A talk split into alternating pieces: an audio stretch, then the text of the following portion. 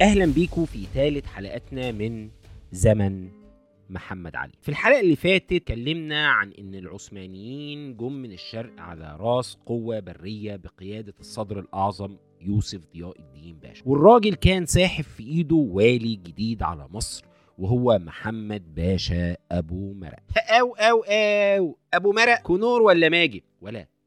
اطلع بره. اطلع بره. المهم محمد أبو مرق اتعين والي على مصر ولأنه كان من أصول عربية. المماليك قالوا هو إحنا قليلين ولا إيه؟ ده إحنا جراكسة يا ولاد التيت. وقعدوا يشتغلوا له في اللزم لغاية ما الراجل يدوب ملحقش يقعد شهرين على بعض وجابوا مكانه محمد باشا خسرو. أو أو خسروا خسروا 3-0 ولا يا سيادة المستشار. هجيبهولك. ولا. ومحمد خسرو يبقى كتخدة حسين قبودان باشا. أما كلمة كتخدة فدي معناها نائب أو مساعد بالتركي.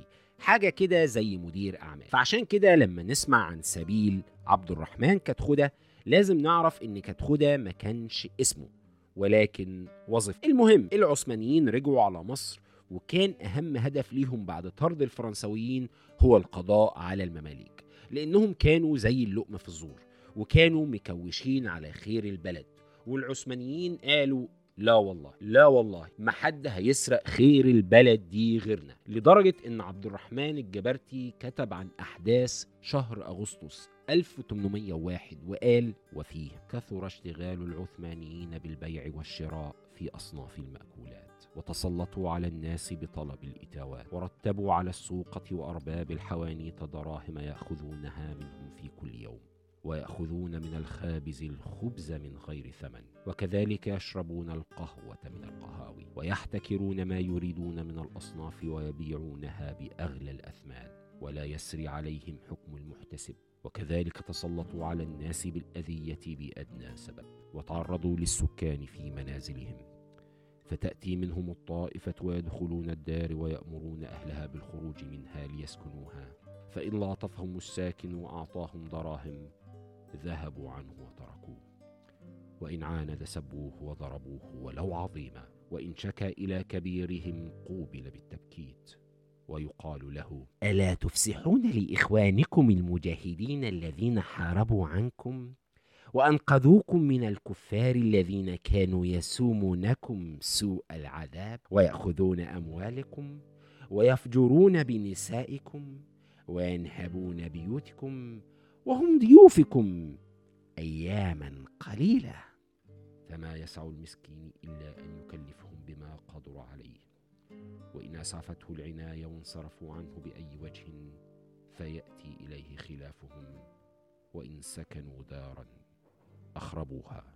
وطبعا الوضع كان بالنسبة للمصريين زي الزفت. يعني إحنا خلصنا من قرف الفرنسويين عشان يطلع لنا أطران العثمانيين والإنكشارية والأرناؤوط وفي محاولة للقضاء على المماليك يوم 30 سبتمبر 1801 حسين قبضان باشا قال لقبضات المماليك شباب عايزين نقعد مع بعض قعدة رجالة ونتكلم شوية في أمور الدولة. راحوا رايحين بربطة المعلم على اسكندرية يوم 2 أكتوبر.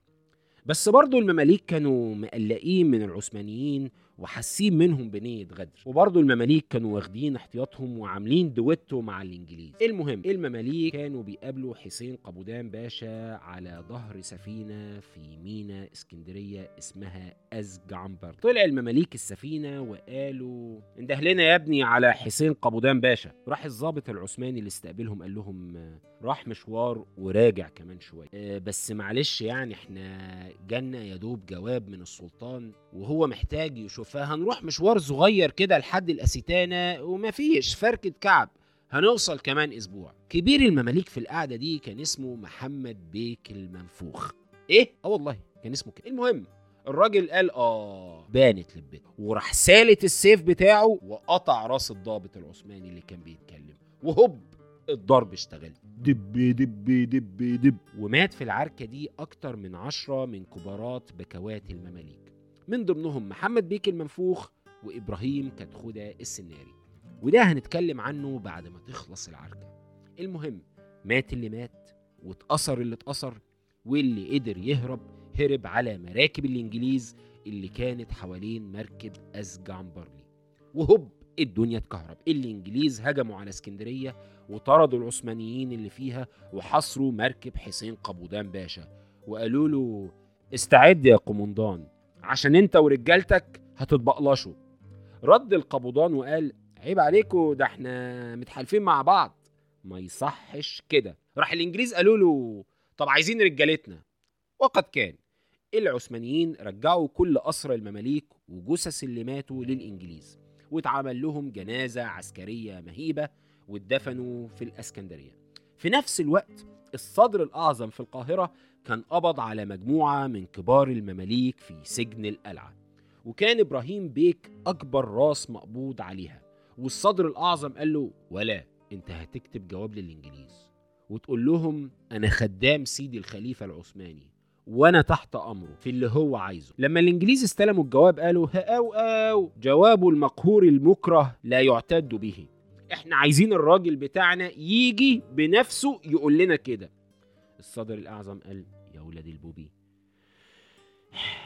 ماشي. راح طالع على السجن وقابل إبراهيم بيك. وقال له ولا أنا هوديك للإنجليز. تقول لهم أنا خدام سيدي الخليفة العثماني. وترجع يا كلب. إبراهيم بيه قال له يتقطع لساني لو جبت سيرة الخليفة العثماني بأي حاجة وحشة. ده إحنا عايشين من خيره. وكمان أنا أنا عمري ما أفكر أروح أتكلم مع الإنجليز أعداء الدين دول. وطلع المماليك من القلعة وعدوا النيل للجيزة مكان مقر الإنجليز. وأول مماليك شافوا الإنجليز قعدوا يغنوا ويقولوا إخواتي إخواتي وحلفوا ما هم راجعين تاني. آه يا خسيس. ودي كانت أحداث مذبحة المماليك الأولى في أغسطس 1801 بس يا ترى مين هو إبراهيم كتخدة السناري اللي كان من ضمن القتلى في المذبحه ده كان واحد سوداني من مدينة صنار اللي هي على النيل الأزرق. عشان كده اسمه السناري. الراجل ده جه على مصر واشتغل بواب في المنصورة وابتدى يتواصل مع المماليك واحدة واحدة. واشتغل معاهم لغاية ما بقى كتخودة مراد بيه. اللي يهمنا من تاريخ إبراهيم كتخودة السناري هو البيت اللي بناه في منطقة السيدة زينب في منطقة النصرية. وعشان نوصل للبيت ده ندخل من الحارة اللي فيها كبابجي الرفاعي وهتلاقي البيت على اليمين وهو من أروع البيوت العثمانية اللي ما زالت محتفظة بجمالها. والبيت يعتبر دلوقتي فرع مكتبة الأسكندرية في القاهرة وكتير من الفعاليات الثقافية بتتم فيه. وتذكرته ب 20 جنيه بس. واللذيذ إن البيت في حارة اسمها حارة مونج وده كان واحد من علماء الحملة الفرنسية اللي سكنوا البيت وقت الحملة. وخلصت حلقتنا ولكن حوادثنا المصرية عمرها ما هتخلص. كان معكم مروان عبد المجيد. حوادث مصرية.